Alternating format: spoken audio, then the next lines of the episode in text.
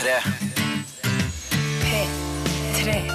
Dette er Lørdagsrådet med Siri Kristiansen. på P3. P3. God morgen, du hører på Lørdagsrådet, og du har allerede hørt eh, Ask Embla og deres eh, Father's Eyes. Eh, til deg som har hørt mye på Lørdagsrådet sånn opp igjennom de åra vi har eh, holdt på, så har dere helt sikkert hørt meg snakke om fortidssjalusi. Jeg har jo en fortid som fortidssjalu. Eh, Jeg liker ikke at eh, kjæresten min, at lokføreren har hatt andre damer. Jeg vet at han har det, jeg bare liker det ikke. Jeg vil ikke se det, jeg vil ikke vite hvordan de ser ut. Og det henger nok sammen med at jeg liker ikke tanken på å bli sammenlignet. Men nå har jeg kommet meg over det, faktisk. Og vil du vite hvordan? Jo, jeg fikk barn. Fordi da vet jeg at eh, ha-ha, jeg kom lenger enn dere. Jeg vant, jeg fikk noe som ikke du fikk. Hi-hi, kom deg til helvete vekk, osv. Så, videre. så nå er noe av fortidssjalusien min, den er over. Eh, Men jeg ser at det er mye av det der eh, ute. Folk liker ikke fortiden. De vil ikke se den, de vil ikke høre om den, de vil ikke vite om den, men den er jo der. Allikevel tenker jeg at selv om fortiden er der, så skal den ikke få lov til å krype opp i senga sammen med deg. Vi skal eh, til sengs med en eh, fyr og hans eks og hans barn etterpå og prøve å rydde opp i den senga der, fordi på utsiden av denne sengen så står det en ny kjæreste, og hun er lei seg, og det er hun som skal få råd her i Lørdagsrådet i dag. Men eh, vi venter til rådgiverne kommer, da, selv om jeg har selvfølgelig lyst til å bare løse dette helt selv. Men jeg skal få hjelp av dagens rådgivere etter at vi har tatt en liten runde på åssen det har gått med noen av de som har fått råd her tidligere. Nå Lido Lido sammen med Josef. Dette her er Turn Up The Life. Lørdagsrådet. På P3. P3. Lido Lido sammen med Josef det der, Turn Up The Life. For eh, ei uke sia så var Einar Tørnquist her sammen med Line Verndal og Erik eh, Solbakken. Og et av problemene vi fikk eh, bryne oss på der, var fra en fyr på 28 år som var eh, sykepleier. Og han visste ikke helt hvor han skulle dra videre i livet. Skulle han flytte inn til Oslo og være sykepleier der? Skulle han dra hjem til Bergen og være sykepleier der? Eller skulle han dra tilbake til Rena, hvor han hadde vært tidligere i forbindelse med militæret, og være sykepleier der? Han listet opp altså tre valg for oss, men det han i bunn og grunn egentlig ville, var å flytte et sted hvor sjansen var størst mulig for at han skulle treffe en jente, som kunne bli hans kone, og som kunne føde hans barn, og de skulle få hus og hage, og det var ikke måte på. Han var veldig klar rett og slett for å slå seg til ro og stifte familie. Og vi skulle hjelpe han da med hvor han skulle ende opp. Eh, Det ble verken Rena, Oslo eller Bergen. Jeg tror faktisk vi kom opp med et fjerde alternativ og ba han velge det. Eh, Du kan jo få høre litt på det her. Flytt litt utafor Oslo. Du skal ikke langt før det er eh, ruralt, altså. Og jobb på Ullevål. Flytt til uh, Movatn, helt nord i Oslo kommune, f.eks. Ja. Er det mye damer der? Single damer? Nei, men de er på? Ullevål der han skal jobbe. 28? Jeg syns jo det er ganske ungt, da. Eh, Ja. Han har jo god tid, har han ikke det? Som mann har, Som veldig mann eh, har han veldig god tid. Så stresser jeg unødvendig mye. Ja, mener du da, Line? Ja, jeg syns vennene hans begynte tidlig, for så vidt, i forhold til hva jeg er vant til. Men siden han vurderer Rena, så kan det hende at eh, Oslo er på en måte blir litt for heavy. Jeg syns Bergen høres ut som en eh, god plan. jeg. Det er så få menn i den bransjen der uansett. Og det på alle festene de skal på, sånn, så er det jo sykepleierne sammen. Ja. Så det, det her er altså det er lett match. Dette er Lørdagsrådet. På P3. P3. Denne søte mannen på 28 Unnskyld, det er ikke meningen å bruke hersketeknikk og si søte om eh, mannen. Han har virka som en jævla søt fyr, eh, og det er det jeg mener. Han har sendt en mail til oss etter å ha hørt rådene han fikk, og skriver Jeg har hørt på rådene jeg fikk opptil flere ganger. Det var veldig kult. Setter pris på at dere tok det opp. Fortsatt usikker på om jeg kommer til å ta i bruk eh, rådet direkte om å flytte til Oslo. Men jeg har i hvert fall senket skuldrene på å måtte etablere meg. Få unger og kone. Jeg skjønner at selv om jeg er 28 år, så trenger jeg ikke å stresse. Det hjelper meg å holde fokus på studiene og jobben. Neste som skjer nå, er tre måneders praksis i Tanzania, så kanskje jeg blir bitt av bistandsbasillen og finner ut at jeg skal hjelpe underprivilegerte barn, eller noe slikt. Jeg kommer til å fortsette å høre på programmet, og dukker det opp flere problemer jeg trenger veiledning på, så sender jeg lett problemet til dere. Tusen takk for hjelpen. Hilsen meg. Og jeg syns jo du høres ut som en fyr som burde bli bitt av den bistandsbasillen, for er det noe underprivilegerte barn trenger, og så er det søte gutter på 28 med et bankende hjerte for at folk skal ha det bra. Lykke til! P3. Frøken Fryd og hennes blod og honning før det Justin Timberlake med ei gammal låt, 'Cry Me a River'. Eh, Og i løpet av disse to eh, herlige låtene så har to av tre rådgivere funnet veien til Lørdagsrådet. Og det er Kristin Vinsens, god morgen. God morgen. Og så er det Petter Ness, god morgen. God morgen. Begge to eh, aktuelle med eh, nye liv, holdt jeg på å si, på hver sin måte. Kristin, du har fått ny jobb. Jeg har fått ny jobb. Eh, nytt kontor, skiftet eh, etasje, kollegaer. I det hele tatt. Arbeidsoppgaver. Ja, Og så har du, er det lov å si at uh, rykka opp i rang? Jeg har blitt uh, sjef Ja. for første gang i mitt liv. eh, Hvis man ikke regner med studentrådet, da. ja, for der var du sjef.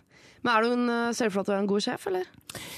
Altså, Når man har blitt sjefet av uh, veldig mange andre i over 20 år, så får man en viss uh, idé om hva som funker og hva som ikke funker. Så jeg håper jo at jeg blir en god sjef. Ja. Og så satser jeg på at det skal bli utrolig mye bra musikk på ny radiokanal på NRK i slutten av januar. For jeg sitter nemlig nå og plukker ut den musikken. Ja. Drømmejobb for en som er veldig det ja. Er det drømmejobb for en som er så musikkinteressert som deg? Ja, det, jeg har fått uh, drømmejobben. Det er akkurat som noen har designet både kanalen og jobben for meg. Helt topp. Du er vel en slags sjef også, Petter Næss? Hele tiden, egentlig? Ja, jeg prøver jo det, men eh, jeg er en samarbeidssjef, da. Jeg, som regissør så må man jo samarbeide med de man jobber med, men til syvende og sist ha et eller annet overordnet eh, ansvar. Hvis du trekker det med regi inn i næringslivet, hvilken stilling er det? Er det konsernsjef, eller Narr, kanskje? narr? Ja, ok.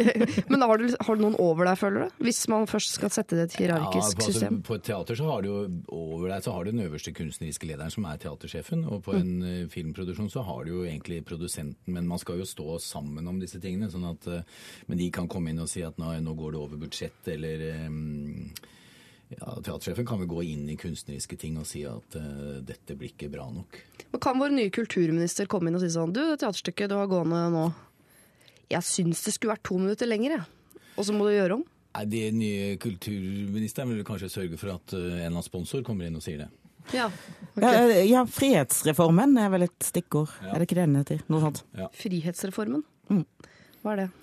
Eh, at eh, kunstnere skal få frihet til å ikke få penger. Fra staten, men Fra fra, staten. fra næringslivet. For deilig frihet, Gjerne fra næringslivet. Ja. Eh, vi venter på Lars Vaular, som også skal være rådgiver eh, her i dag. Men eh, vi tar den runden vi pleier å ta, nemlig hvilken plattform vi står på i livet. Og da snakker jeg sivil status, gjeld, hytte, husdyr osv.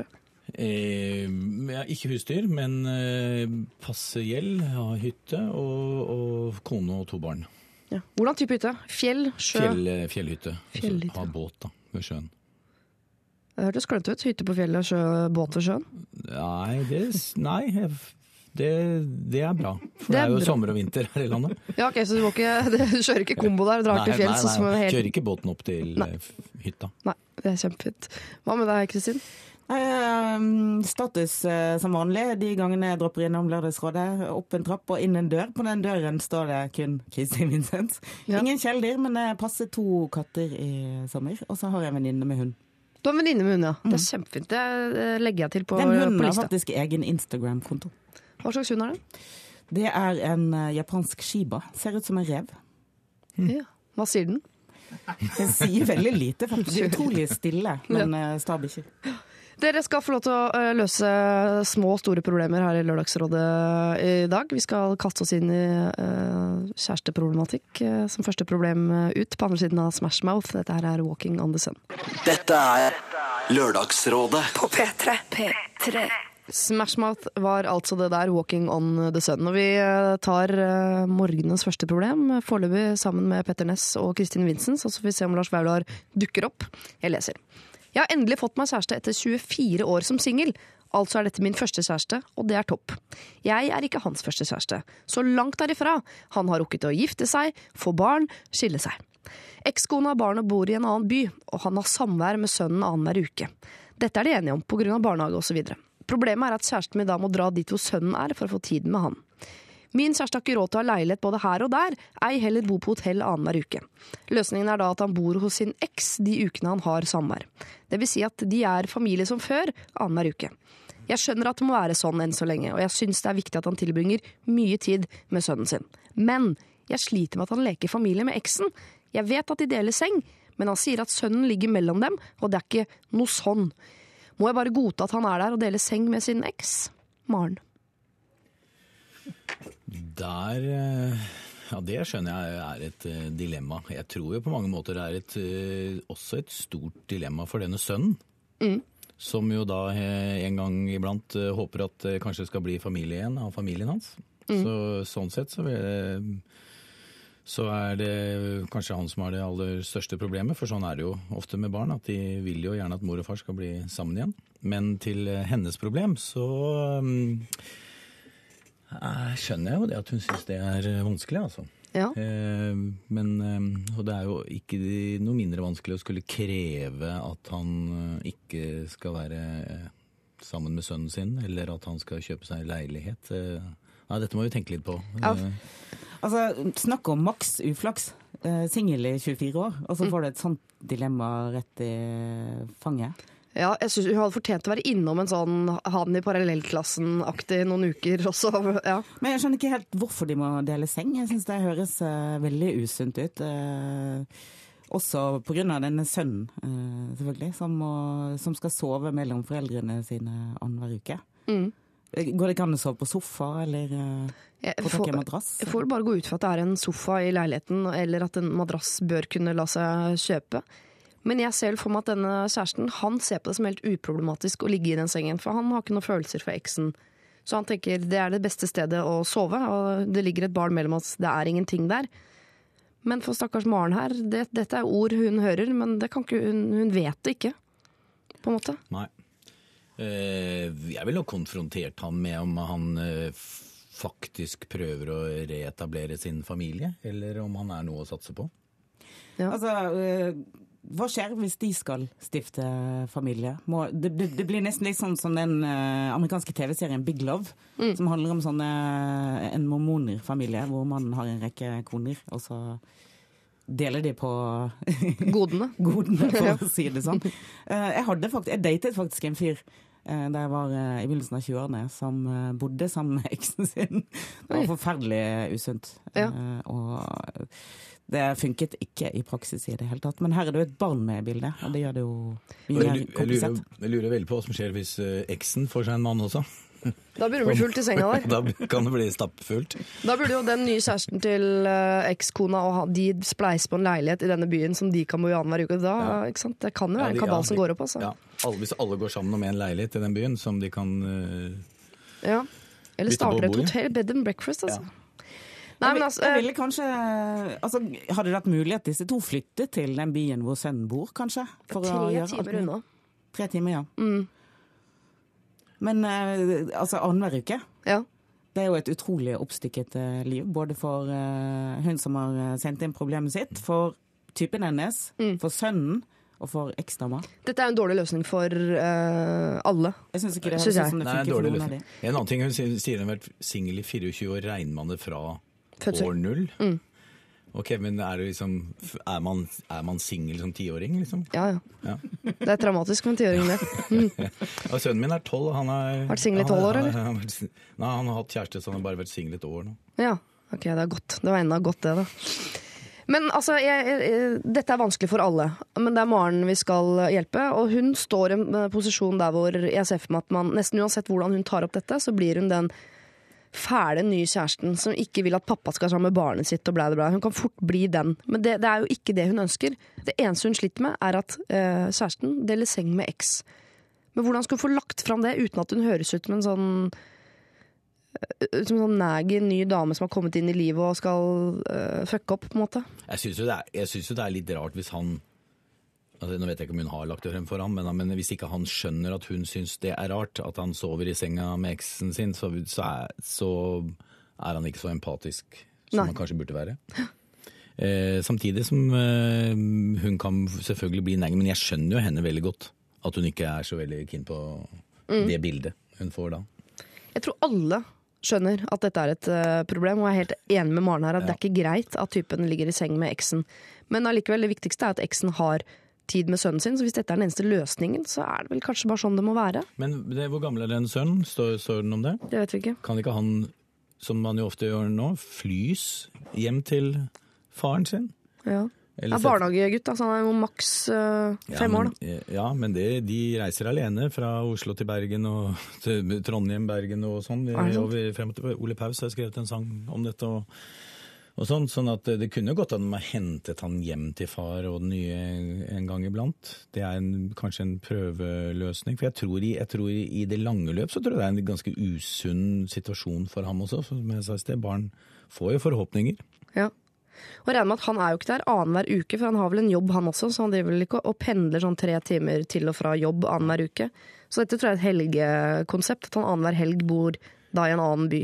Og så tenker jeg, altså Hvis, hvis han ikke skjønner, eh, så fremt hun har tatt opp dette problemet, eller hvis hun gjør det og han ikke skjønner at hun syns det er vanskelig at han sover i seng med eksen, eh, og ikke vil gjøre noe med det, eh, så ville jeg kanskje revurdert hele forholdet. For det, OK, kanskje er det mer ubehagelig å ligge på en sofa eller kjøpe en reiseseng som eh, står på kjøkkengulvet eller noe sånt. Men såpass eh, må man faktisk kunne ofre for at kjæresten skal føle seg bra. Men kan hun stole på det? da? Så han kan jo si sånn ja ja, jeg så på madrass på kjøkkenet, jeg.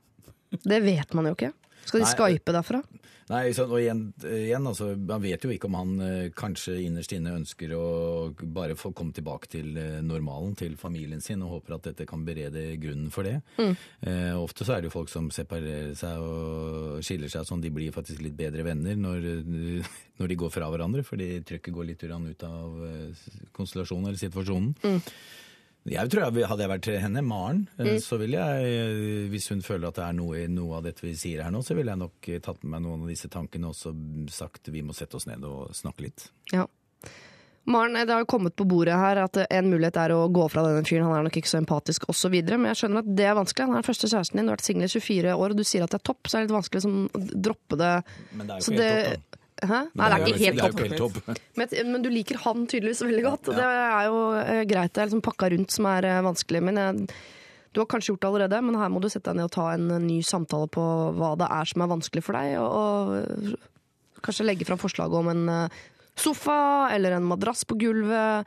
Eller, og også kanskje poengtere dette med at dette er usunt. Ikke bare, det er ikke meg dette er et problem for, men dette kommer til å bli et problem for deg, barnet ditt, ekskona osv. Og så si jeg er villig til å være med og hjelpe deg å finne en løsning som funker for alle på sikt, eller et eller annet. Og når man først skal starte karrieren uh, som kjæreste, så kan det være litt uheldig å venne seg til sånn veldig sånn dysfunksjonelle forhold, tenker jeg. Ja. Det er første kjæresten, og det er veldig, eller veldig sjeldent at det er den første kjæresten som blir. Så kanskje du rett og slett skal se på det som en sånn deilig oppvarming, og så hoppe videre på neste hest. For nå veit du tydeligvis åssen det gjøres. Ja, for det er jo, rett- Hvis det er den første, så er det en skikkelig trøblete start, og herfra kan du bare gå én vei, og det er jo opp. The Wombats, hyggelig med The Wombats igjen, altså. Eh, De synger eh, Your Body Is A Weapon. Og det er spørsmålet om eh, du skal sette på lås på det våpenet, eller om du skal fyre løs. Jeg er alltid litt sånn i limbo der på om jeg skal putte håndvåpenet ned i veska, eller om jeg skal holde det tett til brystet. Fordi det er litt sånn OK, noe av det verste jeg veit, er Nå kommer det.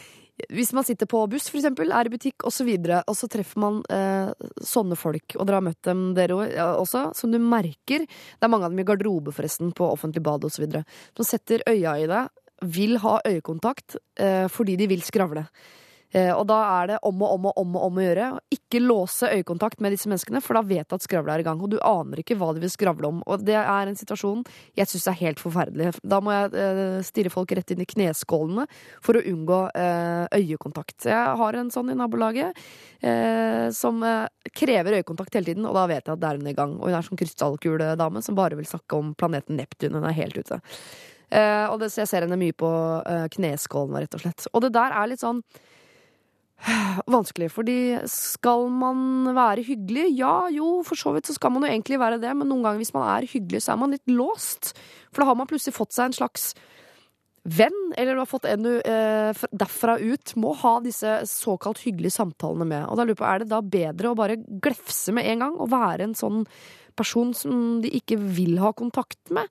Er det bedre enn å først være hyggelig og så ha et evigvarende problem? Jeg vet ikke. Jeg ønsker jo egentlig å være hyggelig og synes det er hyggelig om eh, folk flest er hyggelige, men noen ganger er det fristende altså, å bare uh, ta opp våpenet og glefse lite grann for å uh, slippe fremtidige problemer. Noen som ikke har gjort det, skal straks få hjelp. De var hyggelige, de, sånn som man skal være. Men nå sitter de der, da, med pungen i postkassa, og så skal vi se om vi kan hjelpe de om uh, litt. Men først uh, to låter.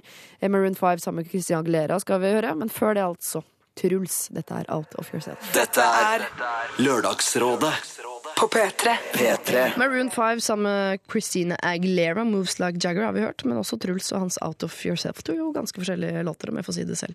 Hva sier du, Kristin Vincents?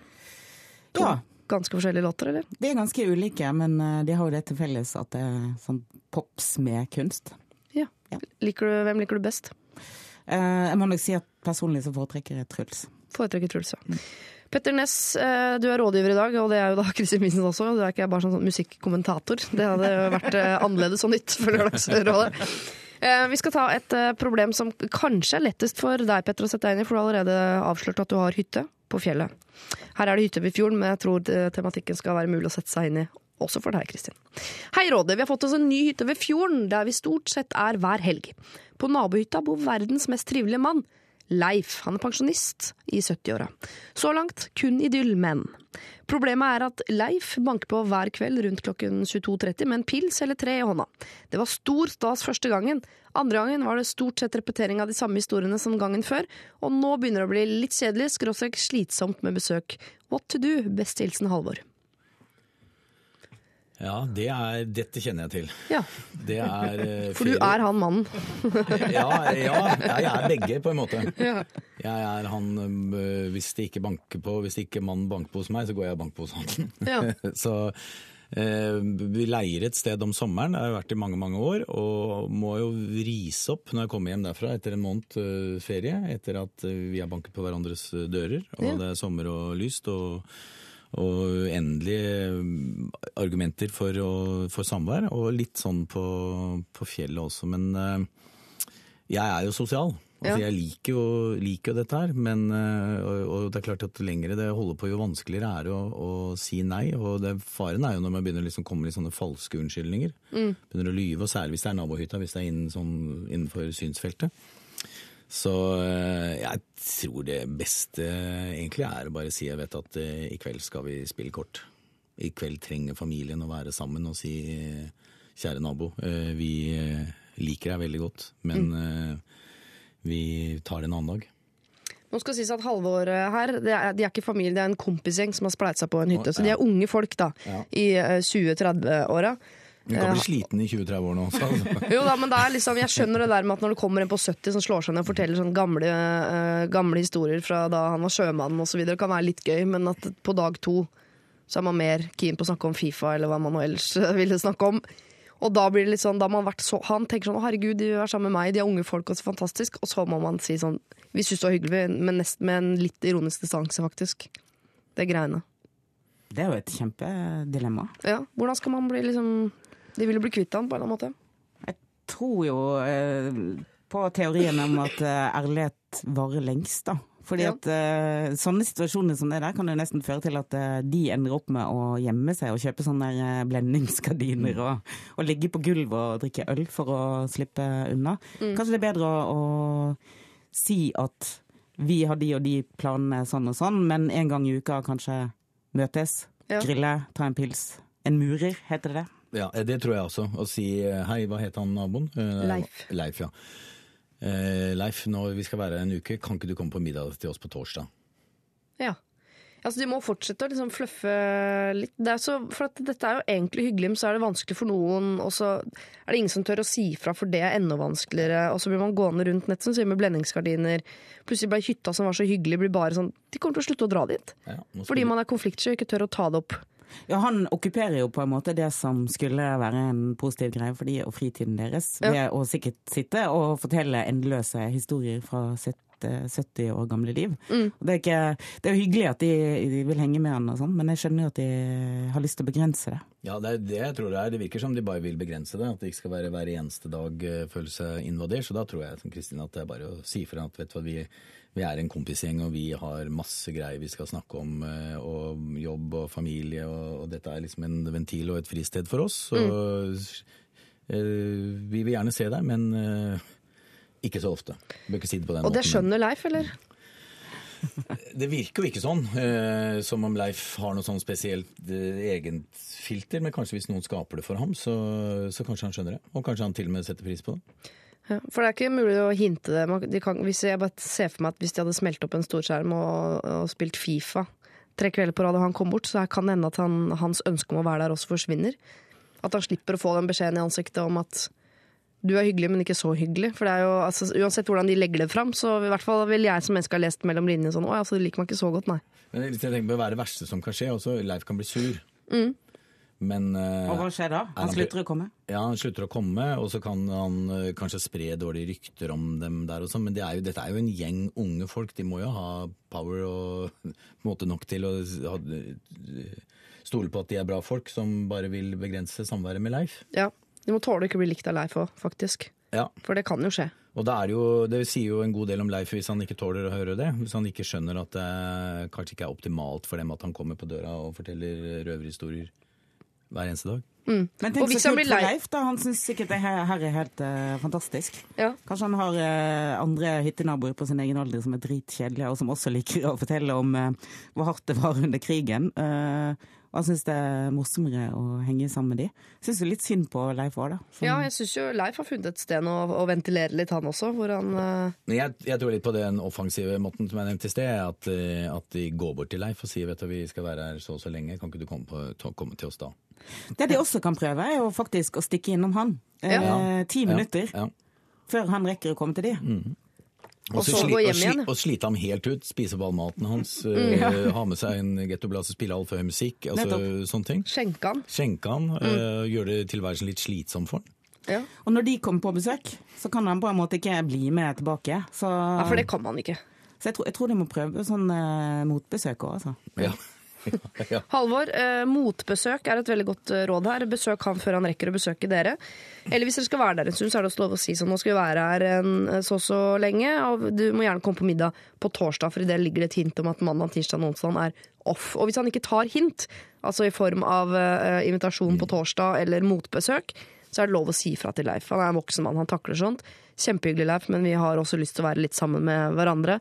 Eh, så, så kom innom av og til. Og så er det jo veldig vanlig at folk har med seg litt jobb eller studier og ting de skal lese og ha unnagjort når de Mm. er på ferie også. Så kan jeg si at eh, det, vi er, har så mye å gjøre på jobben nå at vi må bare gjøre hjemmeleksene våre her. Jeg har dette problemet hver eh, morgen på toget fra Son inn til Oslo, hvor det er umulig å ikke treffe på en titolv stykker man kjenner sånn litt fordi de bor i samme by eh, på toget. Og noen av de vil skrevle. Ja, jeg er ikke en av dem. Jeg, jeg sier at jeg har eh, et radioprogram jeg skal evaluere. Og så setter jeg hodetelefoner inn i øra, og så tar jeg det ut igjen. Og så legger jeg meg til å sove. Jeg, jeg snakker eh, noen ganger, men ofte så, så vil man jo være alene, faktisk. Det er jo sånn det bare er. på ja. Det er jo litt vanskelig å være åtte gutter på en hytte som sier at de har lyst til å være alene. Det er litt vanskelig. ja. Med mindre de sier at de er på seminar. Ja. Vi er på seminar eh, og skal finne ut av noe greier. Eh, Lykke til, Halvor. Det er helt sikker på at det der Det kan hende dere må ta en konfrontasjon, og den er litt vond der og da, men så blir alt så mye bedre etterpå. Men da må dere tåle at Leif kanskje ikke liker dere så godt som han gjør nå. Men det er, det er på en måte det dere må ta med dere. Eh, Vi avslutter denne runden her med When Something Ends eh, med Matilda. P3. Matilda var det og hennes When Something Ends. Og da har Lars Vaular kommet. God morgen, Lars. God morgen, god morgen. Hvem skal vi skylde på? Eh, eh, Skyld på management. Det er Ja. på en måte alltid det. Det er jo de som fucker opp alt. Alltid. Er det en sånn avtale man har, at hvis noe går gærent, så er det lov å skylde på management uansett? Også? Nei, du, du tenker på desken i, Ja. i eh, avisen. Den mm. alle skylder på når de har skrevet noe feil.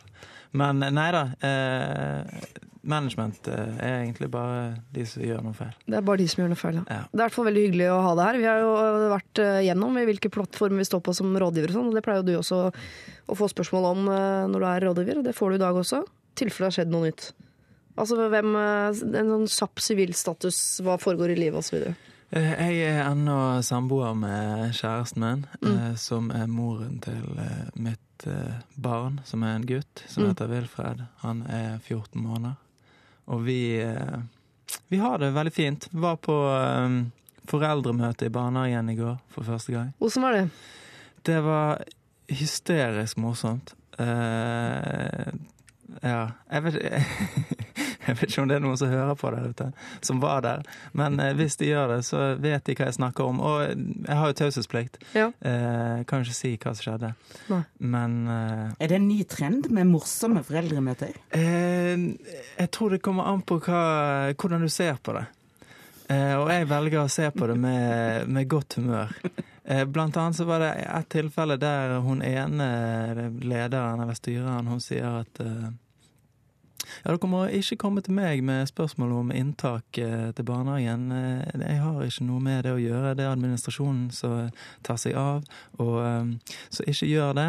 Og så tar hun andre over, hun andre styreren, så sier hun ja, som sagt, så hvis det er noe spørsmål om inntak, så bare snakk med Berit. Hun, hun ordner alt, hun hjelper dere. og Kjempekommunikasjon det, altså, det var mye krysskommunikasjon eh, over hele linjen, egentlig. Og det, det elsker jeg. Men Har lille Wilfred skjønt at han har kulere pappa enn de andre i barnehagen ennå, eller har han det til gode? Eh, det har han til gode. Det har han til gode, ja. Det tror, jeg- det tror jeg sitter langt inne. ja. Jeg gleder meg til barna mine skjønner det, at jeg er den kuleste mammaen i barnehagen. Å, det blir så godt. Da skal jeg hovere derfra ut. Nei da. Eh, hyggelig at du er her som eh, rådgiver, eh, Lars. Og siden sist vi møtte, eller forrige gang vi møtte, så har vi blitt enige om at det er store problemer å skjønne når du er ironisk. Så jeg gleder meg veldig nå til uh, tida fram mot klokka tolv. for å se om jeg blir bedre på det, rett og slett. Jeg tar det som en utfordring. Eh, vi tar et eh, problem, eh, men vi skal få litt eh, musikk først. Først ut her eh, så kommer en låt som heter 'Change Your Life'. Lørdagsrådet På P3. P3. Veronica Maggio Sergels Torg, og før Iggy Azalea med 'Change Your Life'. Og Vi snakket jo om barnehagen, eh, Lars eh, Vaular, og det skal vi gjøre nå alle sammen. eh, Petter Ness og Kristin Vincents. For vi har fått inn et eh, barnehagerelatert eh, spørsmål. En som skriver her. Sønnen min Knut går i en bra barnehage, sammen med blant annet to hyggelige somaliske gutter. De er naturlig nok mørke i huden, det er ikke et problem. Knut har en fin og god og dyr ullgenser med en alien på seg. Dette romvesenet er også mørkt i huden, og hver gang han har denne på seg, snakker Knut veldig mye om at dette romvesenet er et bilde av de to gutta. Hver gang han skal tegne, så må han tegne dem. Han nekter å tegne noe annet enn sine to somaliske kamerater. Han har rett og slett hengt seg litt opp i dette med hudfarge. Ikke fordi han har noe mot det, men jeg som far blir allikevel litt flau, for jeg vil ikke at han skal snakke om det hele tiden. Jeg vil ikke at han skal gjøre så stort nummer ut av dette her. Hvordan skal jeg forholde meg til at barnet mitt er veldig opptatt av mørkhudete? Har jeg egentlig noe rett til å bli flau? Hilsen far. PS. Dette er ikke en engangsgreie. Vi har holdt på et halvt år. Ja, jeg kan ikke huske annet enn at jeg, bare tegnet hvite mennesker da jeg gikk i barnehagen. og det var sikkert Ja, eller rosa mennesker. Eller rosa mennesker. så- Rosa hudfarge. Så Ja, det var alltid den pennen man lette etter. Er det noen som har hudfarge? Rosa og gris. Ja. Ja, nei, så dette syns jeg høres veldig, veldig bra ut. Det er, eh, sånn er det. Men hvorfor blir pappa flau? Han eh, har vel eh, dette PK-syndromet, kanskje. Kanskje han er redd eh, for at sønnen hans krenker menneskegrupper Ja. ved å tegne folk som er svarte i hunden. Men kan barn, har de muligheten til å gjøre det? Har de i det hele tatt skjønt Altså, Barn skjønner jo skuffende lite. Ja, eh, ja, jeg føler jo at eh, dette er et problem som en voksen person skaper. Ja. Eller, altså Det er jo ikke noe problem for barna. Så, og det er er jo strengt tatt ikke et problem at han tegner noe som helst. Nei, for det vil jo virke kanskje litt um, negativt hvis han begynner å tegne dem rosa. Ja. For da kan det virke som han skulle ønske at de var rosa. Men det far har jo et ønske her om at eh, alt, alt skal være naturlig. Det er ingen som skal tenke på noen ting. Og alt. Han er sikkert en sånn fyr som uh, later som han ikke legger merke til at folk sitter i rullestol. Sånn 'oi, nei, du, sorry, det har jeg ikke, ikke sett'. Og, ikke? Det er en sånn type pappa. Og det er veldig fint, men eh, eh, nå prøver han å liksom få dette over på sønnen. For man, man, altså Barna dine er jo på en måte et speilbilde av deg selv, så nå tenker han at fordi han er opptatt av hudfarge, så tenker han at jeg er det. Og da må jeg få sagt fra at jeg ikke er noe opptatt av det, og så blir det en sånn Han må jo for guds skyld ikke begynne å snakke med sønnen og si at dette her er et problem. Det må jo være helt sykt forvirrende. Ja. Det syns jeg høres ut som en vellykket form for integrering. jeg. Ja, eh, jeg jo jeg, eh, lurer vel Jeg har aldri sett aliens som er brune.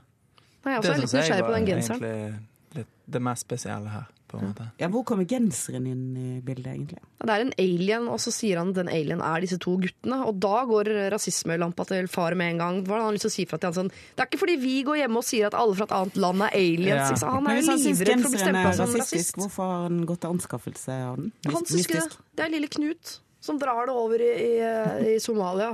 Det, dette er månen, dette. Det er ikke Somalia. Hvordan skal han eh, få lille Knut til å slutte å være så opptatt av hudfarge, selv om det er på den riktige måten, eller hva jeg skal si? Jeg syns ikke han skal få Knut til å slutte å være opptatt av å tegne det, de fargene han syns han har lyst til å tegne. Nei. Nei. Jeg, jeg, så jeg kjør på tegning. Skjerp deg, far. Ja, ja. Bare tegn alt mulig, du. Det, Far må bare skjerpe seg. Ja, jeg tror det. Og så må han jo være glad for at sønnen eh, liker å tenne. Det er jo et bra tegn for Mm. at han er en kreativ eh, fyr. Man kan slutte å bruke den hvis han syns det med genseren er problematisk, selv om han poengterer at den er dyr. Ja, så får bruke den på privaten. Han må vel ikke ha på seg den med barn engang? Blir ikke den uansett full av leverpostei i løpet av et kvarter? Men det, barnet vokser jo, så den genseren er jo snart for liten. ja. Ja. Dette løser seg. Ja, dette går over. Dette løser seg. Du har holdt på et halvt år nå, kanskje blir det et halvt år til, og så er det noe annet som er ja. spennende. Akkurat nå er det aliens og disse to gutta. Om et halvt år så er det uh, tissefanten som er gøy, og så blir det jenter, og så, ikke sant. Så har vi det gående. Ja. Og du må gjerne sende inn eh, mail til oss hver gang det er et sånt type problem, far. Det er bare fint, altså, men eh, jeg tror du bare skal bruke tålmodigheten her og være glad for at han uh, syns dette her er bare noe man kan tegne uten at det er noe problematisk. P3. En av dem var det, og Kave altså som fremfører låta. Er lov å si det, Lars? Hæ? Er lov å si at Kave framfører låta, en av dem? Eh, han har jo iallfall lagd den og spilt den inn. Men nei, det er jo ikke sånn at han eh, hver gang han spilles på radioen, så framfører han den ikke på nytt. da. Sånn var det i gamle dager, faktisk. Hvordan eh, ville du sagt det, Lars? Eh, eh, der var Kave. Er det, Der Kave hørte du han. en kompis? hørte du? Kompis? Ja, ja. Det er min unge tjommi, det. Det er din Min unge tjommi. unge. Ja, han er jo kanskje ti år yngre enn meg, så, Ja. så jeg får lov til å si det. Har du tatt han under vingen? Må du passe på han? Ja. Ja. ja. nei. Han står på egne bein, han. Så hyggelig. Vi skal over i kjæresteland igjen med Lars, eh, Kristin Vinsens og Petter eh, Næss. Eh, jeg skal lese et problem her fra en trøtt jente på 19. Hun skriver Mitt problem er nå gått over en lengre periode, hvorav min søte kjæreste har begynt å tekste ivrig på telefonen etter nattens fremkomst. Vi har vært sammen i snart et halvt år og trives veldig godt sammen i et forhold preget av åpenhet og ærlige utspill om noe plager oss. Jeg føler likevel at eh, jeg har påpekt hvor eh, god tone han har med andre jenter, svært ofte, og vil selvfølgelig ikke at den krevende, eh, kjæresten, være den krevende kjæresten som syter hver gang han mottar en tekstmelding fra en tidligere klassevenninne. Det som likevel plager meg, er nå, da en eh, tidligere flamme har begynt i samme klasse som han, og de har gradvis gått fra gruppearbeid til teksting etter at jeg har sovnet. Jeg vet også, eh, med en reservert ydmykhet, at hun er sjalu på min situasjon som hans kjæreste.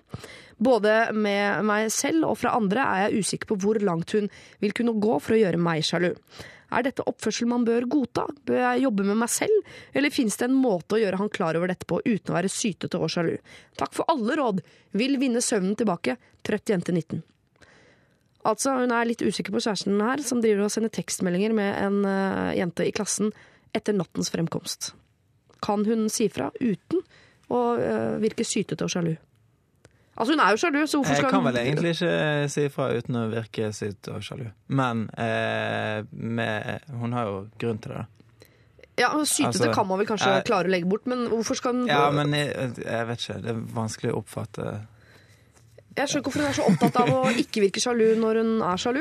Hun virker, er, Ja. virker jo sjalu allerede i mailen. Hvorfor kan hun ikke bare være sjalu, da? Hun er misfornøyd med handlingene, Ja. og det må hun jo kunne si fra om. Ja, det må være lov. Hvordan det? Hvordan skal hun si fra om det?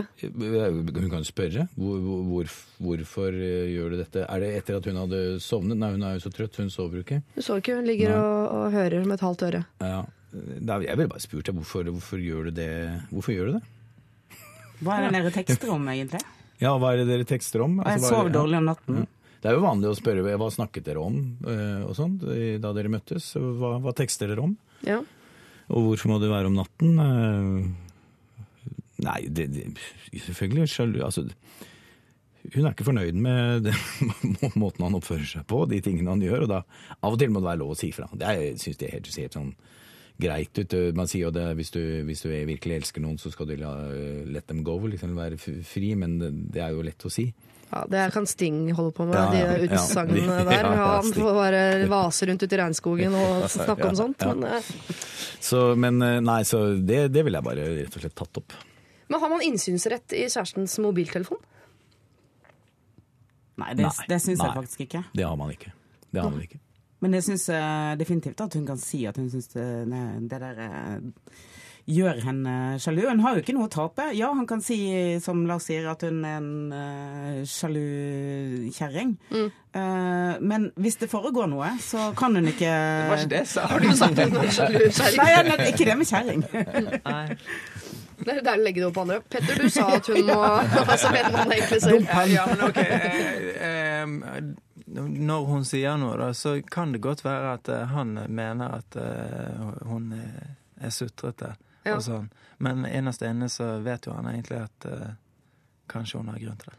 Ja, for det, det tenker jeg også. Hvis Og han det er jo vet. noe det er òg noe av reaksjonen. Da, at, Jo surere han blir, jo større grunn har hun vel egentlig hatt til å si fra, tenker jeg. Og det er derfor jeg spør om har hun innsynsrett på mobilen. Nei, antageligvis ikke ifølge de norske lover. Men hun, eh, hvis hun har, de har jo så innmari åpent og ærlig forhold, så hvis alt er så åpent og ærlig, hvorfor kan du ikke få lese tekstmeldingene hans da? Hvis de ikke har noe å skjule for hverandre, Det, sitte og nei, for tekstmelding kan ha en sånn type ordlyd eller en måte å formulere seg på som er mellom to mennesker som er mellom dem, som kan, som kan fremstå feil. ja, ja, ikke kontekst og Eh, sammenheng. Ikke sant? Sånn at eh, man har en tone seg imellom så, så, som, kan, som hun kan lese med feil briller. Det, det skjønner. Så eh, Innsynsrett synes, det er bare CIA som har det, er ikke det? Og ja, han Øygarden fikk jo lest noen av meldingene sine også.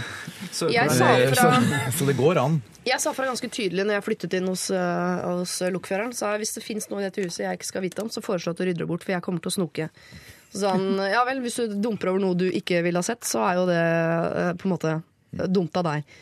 Ja vel, da er vi enige om det, da. At eh, begge, begge nå vet at jeg kommer til å snoke, osv. Og så gjorde jeg det. da. Gikk inn på PC-en, så på alle bilder, lette skuffer og skap og i det hele tatt snokte meg til blods, liksom, selv om jeg vil jo ikke finne noe. Altså, man gjør seg jo selv vondt. Men jeg, men jeg ville, hvis eh, kjæresten min hadde uh, drevet og tekstet sånn på natten, så ville jeg ha gått og sett på mobilen hans. Uten fyll. Mm. Helt sikkert gjort. Og så hvis jeg hadde funnet noe der som var snuskete, så hadde han blitt sur for at jeg så på mobilen. Mm. Ja vel, jeg beklager det, men nå vet jeg jo tydeligvis noe som jeg ikke skulle ha visst, så la oss snakke om det isteden. Men nå er det jo veldig eh, ofte sånn at folk har passord på mobilen. Eh, Hva skal hun gjøre hvis hun har lyst til å snoke, som du gjør, Da- eh, og ikke har passordet? Skal hun be om å få det? Ja, da må hun be om passordet. Vi som har et så åpent og ærlig forhold, kan få passordet til mobiltelefonen din, takk. Det er jo grunnleggende stor grad av mistillit her. Ja. Hvis, du, og hvis man sier 'kan jeg være snill få se på mobiltelefonen din', og han sier nei, så kan man si det av prinsipielle årsaker. Nei, det, det, jeg vil aldri be om å få se på din mobiltelefon, så du får ikke se på min heller. Og så kan han gjøre det og vise det frem, og så kan de jo diskutere det. Men jeg ville først, jeg ville bare spurt, jeg. Hvorfor, hvorfor, hvorfor gjør du dette? Men hun er også bekymret for denne tidligere flamme som har begynt i klassen, som er sjalu på henne, og som ønsker å gjøre henne sjalu. Er det noe hun har noen mulighet til å gjøre noe med, eller må det bare få lov til å seile sin sjø?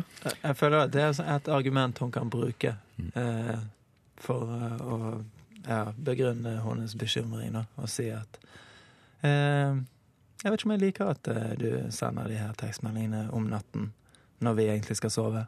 Mm. Ja. Eh, og hun, her, ja, hun er jo bekymret. Jeg er litt bekymret også for at de driver med gruppearbeid, men sover hos hverandre. Her, det er noe aldersgreier her som jeg syns er vanskelig. Altså. Driver og sover sammen hver eneste natt, og så har de fortsatt gruppearbeid på skolen.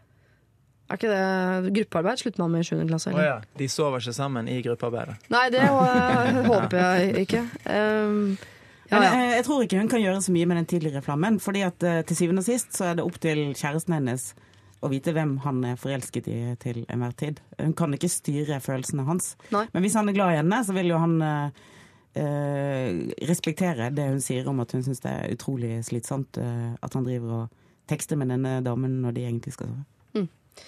Du må ta, eh, Som alle kjærestepar så må du ta denne praten. og Hvis du er redd for å være sytete og sjalu, ja vel, så prøv ikke å være så sytete. Men eh, det er ikke noen grunn til å ikke virke sjalu når du faktisk er sjalu. Men da må du heller eh, si til kjæresten din hvorfor du er sjalu, for det er det jo en god grunn til å være her. Synes jeg. Da må du si at du syns det er problematisk med den tidligere flammen osv. At du syns det er masete at han eh, sender tekstmeldinger etter at du har sovnet osv. Og så får du se om du har en sånn, sånn i deg som jeg har i meg, som sier fra at jeg krever å se og vite alt du driver med, hva er passordet til mobilen din.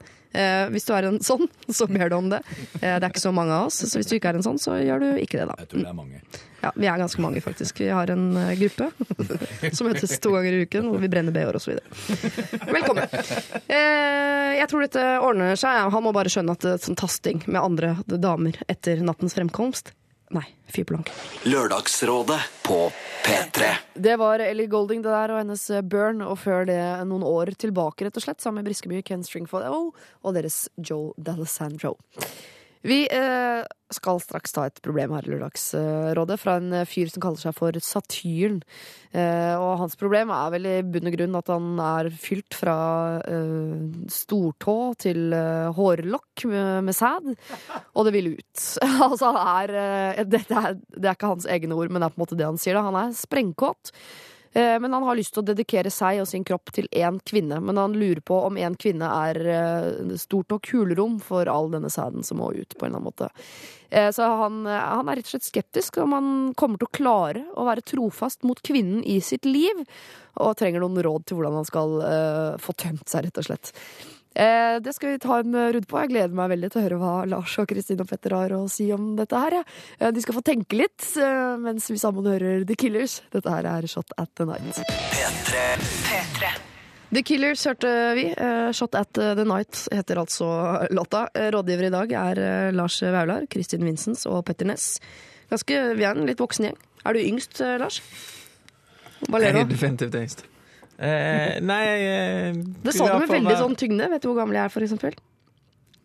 Jeg vet at jeg er mye yngre enn deg. Hvor gammel er du? da? Hvor gammel tror du jeg er? Dette burde jeg vite. Dette burde jeg Kan ikke du gjette først, Petter? Hvor gammel er Lars? Å, herregud, jeg har ikke peiling. Nei, jeg vet ikke. Hva Hal tror du? Halvparten så gammel som meg. Ja. Kristin, du vet jo sikkert, for du kan jo alt om alle. Jeg tror Lars er 29 år. Jeg er 29 år, det Ja. stemmer. Da er du yngre enn meg, da. Ja, Da er du yngst. Mm. Gratulerer. Gratulerer. Da blir det jo lett for deg å sette deg inn i neste problem, som er fra en kar i slutten av 20-åra. Oh, ja. Det kunne jo vært deg, det, da. Ja, kanskje det er- er meg. Det hadde vært veldig interessert. Jeg er en kar i slutten av 20-åra og har en fantastisk jente som er min forlovede. Vi har hus sammen, og vi skal begynne eh, å prøve å få barn. Ikke sant? Det er ikke deg, da, for du har jo fått det der til. Jeg elsker denne jenta, og jeg kan ikke rose henne nok. Hun er rett og slett en fantastisk person. Problemet er altså mitt i dette tilfellet, ikke hennes. Jeg føler meg rett og slett som en satyr i beste mytologiske stil. Jeg er leken, koser meg med livet og nyter hver eneste dag. Jeg liker opplevelser, liker å kunne kose meg med alt fra god mat, vin, trening og ikke minst oppmerksomhet og det motsatte kjønn. Dette kunne vært uh, Altså, han kunstneren, hva heter han? Aune, dette kunne vært Aune sånn. Bortsett fra at han er ikke i slutten av 20-åra. Problemet i dette tilfellet er at jeg kommer borti så mange jenter og damer, både på byen og til vanlig eh, i hverdagen, som jeg får veldig god kontakt med. Dette er jo en bra ting for all del. Jeg liker at folk stoler på meg, jeg liker at personene som jeg snakker med føler seg vel, liker at folk åpner seg for meg, og jeg liker at jeg kan ha en sjarmerende effekt på dem. Jeg setter veldig pris på oppmerksomhet og blir sjarmert til å fortsette med dette. Noe som fort kan utvikle seg til lyster som jeg absolutt elsker. Godt norsk kåtskap, rett og slett. Herregud, for en fyr. Hvordan kan jeg temme denne driften? Jeg ønsker ikke å ødelegge for meg selv eller min forlovedes framtid. Med vennlig hilsen Satyrn Magnus. Oi. Han burde jo egentlig ikke kalle seg satyr, men narsissus. Ja, det kunne han også kalt seg. Men øh, uansett navn, så har øh, rosa samme lukt. Temme kåtskapen, ja. Ja, Hvordan skal han temme dyret i seg? Oi, oi. Nei, han må vel eh, bli singel, da.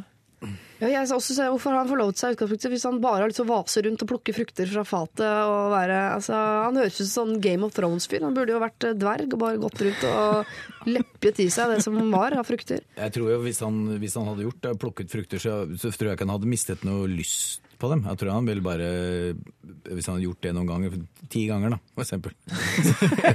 Rundt ti, da. Sju-åtte ganger.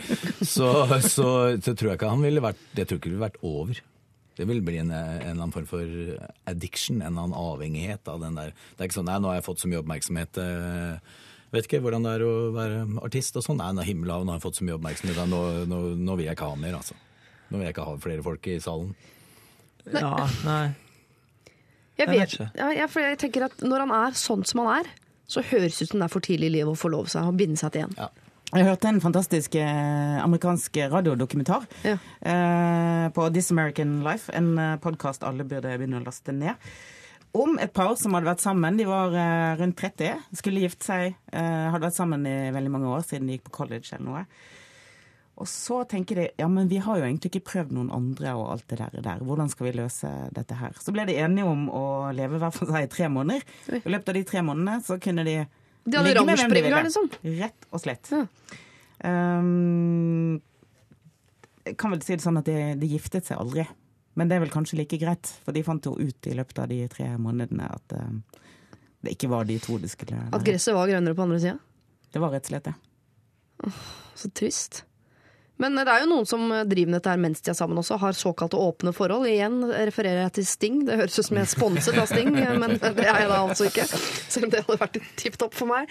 Eh, Men Satyren her, altså Han vil jo egentlig temme dyret i seg, denne Satyren, eh, i slutten av 20-åra. Er det mulig? Må han eh, ta Fins det noen hormontabletter man kan ta?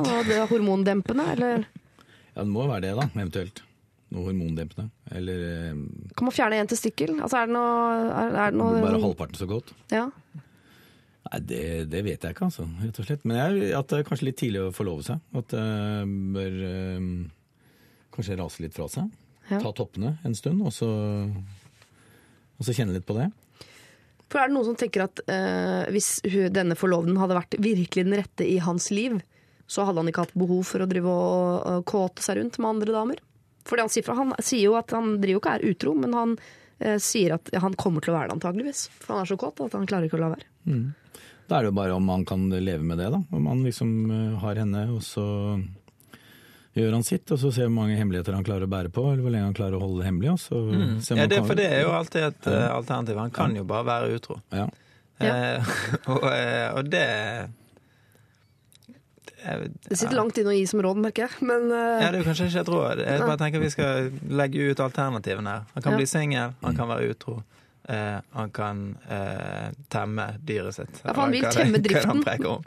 Men, men han omtaler det her som et veldig sånn her Et problem som eh, Altså, må han gå til en doktor, liksom? Er det sånn, er det så gale? Er det, må han gå til en psykolog for å snakke om det? Eller? Det kan, jo, det kan jo være det, at han kan gå til en psykolog. Hva, hva bunner denne, liksom, denne, denne lengselen i, dette narsistiske i? Et eller annet behov for, sånn konstant behov for bekreftelse. Det har jo alle sammen. Ja. Eh, alle mennesker har jo det. Men hvis han ikke får det nok fra sin forlovede, så hva For det vil jo alltid være noen der ute som da vil være mer interessant. Ja. Sannsynligvis. Men det, er liksom, altså- eh, man er jo, det er jo som Per Gynt, man er jo eh, redd for å leve livet sitt forgjeves og komme tilbake eh, som en gammel mann og si at fader, det var jo her det var. Det var jo henne. Det var Ja. jo Solveig. du sier Per Gynt, jeg sier Raune Sand. Ja, ja, ja. Altså, som ja veldig Men har, har, har de vært sammen lenge? Lenge nok til å forlove seg, i hvert fall. Men det, det kan jo hende at det, Kanskje de bare har prøvd misjonærstillingen og at han, eh, noensinne, og at han er dritlei. Kanskje han skal gå til Kilden, sin kjæreste, for å eh, få utløp for alle disse driftene sine, og foreslå noe, At han noe stingaktig. stingaktig. Tantrisk sex eller noe. Nei, men seriøst. Ja, at han ikke trenger å temme Kan, kanskje det, driften. Det, kanskje det er en grunn til at han går rundt og har så mye uforløste kåtskap i seg. At han må ta det ut på henne. Herregud, høres så himla slitsomt ut å være sammen med satyr, men, eh, men hun har jo falt for eh, han, da. Jeg er også usikker på om satyr Magnus som hva slags um, Han kan jo gå til en eller annen lege, om det er av den typen hvor man ligger på en benk, eller den må ha bena plassert opp i sånne høye Uh, greier på sida der. Det er jeg usikker på. Uh, men Jeg er litt usikker på hva, hva ja, du har ikke vært hos den legen De fins. Det er altfor mange av de, faktisk. Eh, Men hvordan du skal temme driften, det vet vi ikke medisinsk. Men eh, et forslag her er at du tar det ut hjemme hos den du skal forlove deg med. Og hvis ikke hun er åpen for det, så kan det hende at det er for tidlig at du forlover deg i det hele tatt. Så da får du velge selv om utroskap er din vei å gå, eller om du skal gå ut av dette forlovelserigreiene og plukke frukter til du er lei. Og så finne noe å forlove deg med, som Aune Sand, da, din far. Jeg syns i hvert fall han skal være forsiktig med å aktivt gå inn for å prøve å få barn i en sånn situasjon. Ja, det har jeg helt glemt, elementet der. Fordi det er jo det nå, nå virker det som om ja, nå har vi holdt på en stund, så nå legger vi oss til og prøver å få et barn. Ja. Eh, og det kommer ikke til å løse det, tror jeg. Altså. Kommer til å bli mer sliten og mer våken etter og, og gøyale møter i barnehagen og Og så sånn. får han jo bare enda en eh, arena å kåte seg opp på, nemlig barnehagen. Lars von Trier stakk jo av fra konen sin med norsk eh, barnehageassistent. Ja, Ja, eller mange som faller pladask for jordmødrene også, så, så det Oi, oi. Altså, det er jo kvinner overalt rundt i samfunnet, faktisk. Det Altså, det. Jeg vil i hvert fall foreløpig skåne det barnet litt, tror jeg. Ikke få det barnet, altså. Ja, vent- gang. Eller det også kan jo temme enhvers uh, drift å få barn. For da forsvinner jo kåtskap og glede inn i noe som heter Ja. mangel på søvn osv.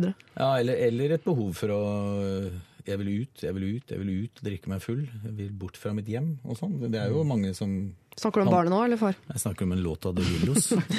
eh, som, som Ok, satyr, satyren Magnus. Eh, jeg tror du har fått de rådene som fins å få her. Altså, så får du eh, plukke fra det fruktfatet, for å si det på den måten. Og eh, jeg håper at dere finner ut av det. Men jeg er helt enig med Petter. Ta så Vent litt grann med det, med det barnet. Fordi det virker som ikke du har falt helt i ro ennå. Nok Og til å få så barn. finnes det noe veldig gammeldags som å er jo rett og slett å stå ved sitt valg. Ja. Aktivt gå inn for å si at dette er det valget jeg tar. Og jeg har et stor ære og prestisje i det at jeg, jeg står i det, sånn at jeg kan se meg selv i speilet som et gam- gammelt menneske. Det var mange fristelser. Det var mye jeg drømte om, mye jeg skulle gjort, men jeg er stolt av at jeg bare rett og slett sto i det.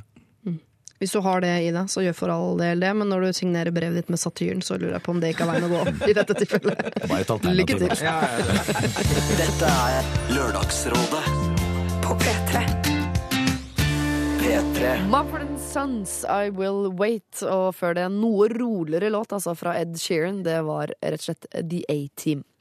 Noen ganger så hører man et luksusproblem, og så er det lett å avfeie med sånn 'Å, herregud, for et luksusproblem'. Eh, Skjerp deg. Det var nå en gang sånn at du hadde det bra i utgangspunktet. Men så innimellom så er det nesten de jeg får mest eh, vondt av.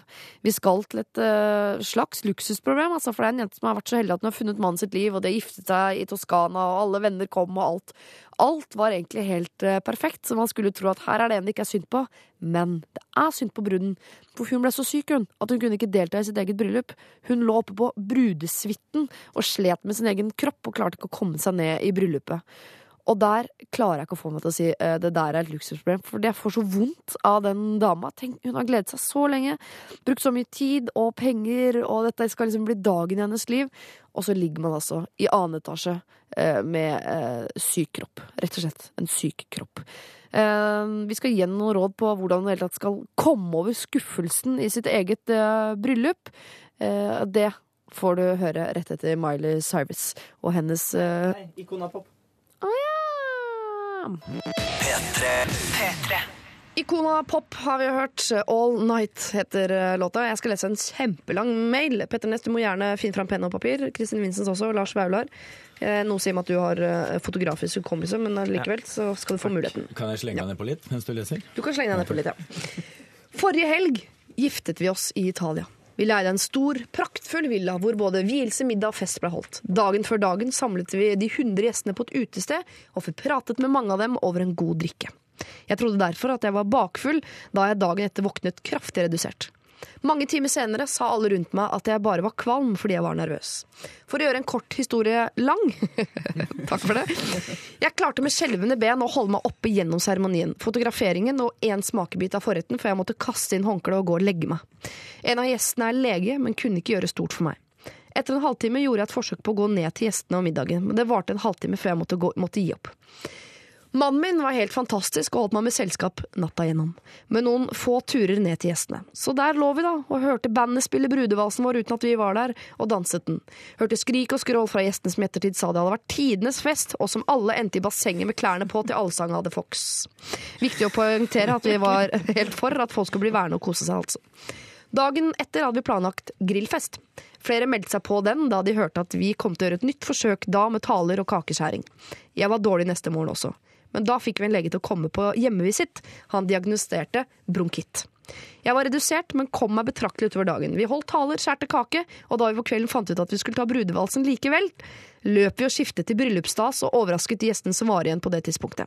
Vi festet til fem og hadde en kjempeflott kveld, noe som selvsagt veide opp mye av det vi gikk glipp av dagen før. Men så kom vi hjem til Norge. Og skuffelsen er bare så vanvittig stor. Jeg tenker på alt vi hadde planlagt, alt arbeidet vi hadde lagt ned det siste året, alle pengene, alle drømmene om en perfekt dag. Brudevalsen som bandet skulle spilt, ikke stereoanlegget.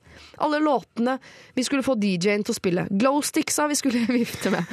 Alle bildene fra middagen, opplegget, våre fantastiske toastmastere hadde planlagt. Dekoren jeg fikk, aldri fikk sett. Og viktigst av alt, alle de flotte, flotte menneskene vi aldri før og sikkert aldri igjen får samlet, og som jeg aldri fikk snakket ordentlig med den kvelden. Jeg er så skuffa. Så hvordan skal jeg klare å komme over det? Jeg vet at jeg må fokusere på det positive, at vi tross alt fikk en flott feiring dagen etter osv., men ærlig talt, jeg er så dypt og inderlig skuffa. PS. Jeg har giftet meg med verdens beste mann.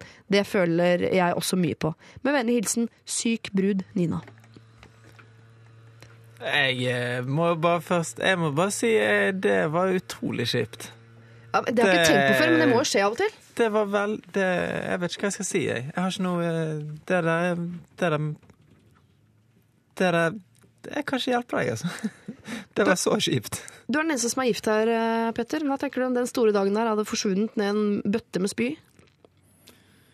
Ja, jeg vet ikke hva man skal være sur på her. Bronkitten og bakterier. Er det bakterielt, eller er det vir vir viralt? Er det det det heter? En av de.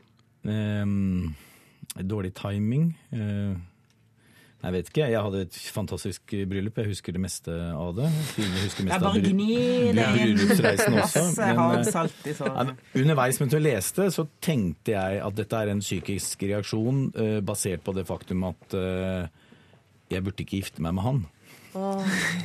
Tenkte jeg at det er det dette handler om. At jeg har investert så mye i noe som skal være riktig og bare er fantastisk bra, og så er det et eller annet sted inni meg feil. Så da tar veldig ofte kroppen over og sier fra og slenger deg i bakken. Ja. Um, Nei, disse her er riktige for hverandre. Altså, for når to er stykker blir enige om at de skal ha glowsticks i bryllupet sitt i Italia, da er man ment for hverandre. Da, ja. Ja. Da tror jeg rett og slett jeg ville lagt det bak meg og så bare dure videre i livet og si at vi lager en flott fest for våre venner. Mm. Eh, Nå vil vi lage en fest av et liv for oss selv. Ja, og så tenker Jeg jeg har jo vært i en del bryllup etter hvert. Noen er jo helt tragiske, fordi at man kanskje skal forene to familier som er uenige om alt, så alt blir litt sånn stivt og kantete og jævlig. Det høres jo ut som de har en eh, utrolig bra venneflokk og familie som klarte å kose seg maks uansett og bade med klær i bassenget og stille opp på en ny fest dagen etterpå. Så det er jo en eh, positiv ting. Og så kan de kanskje lage en ny fest, da, for det er jo umulig å spole tilbake og, og skaffe en ny lege som avverger eh, bronkittanfall.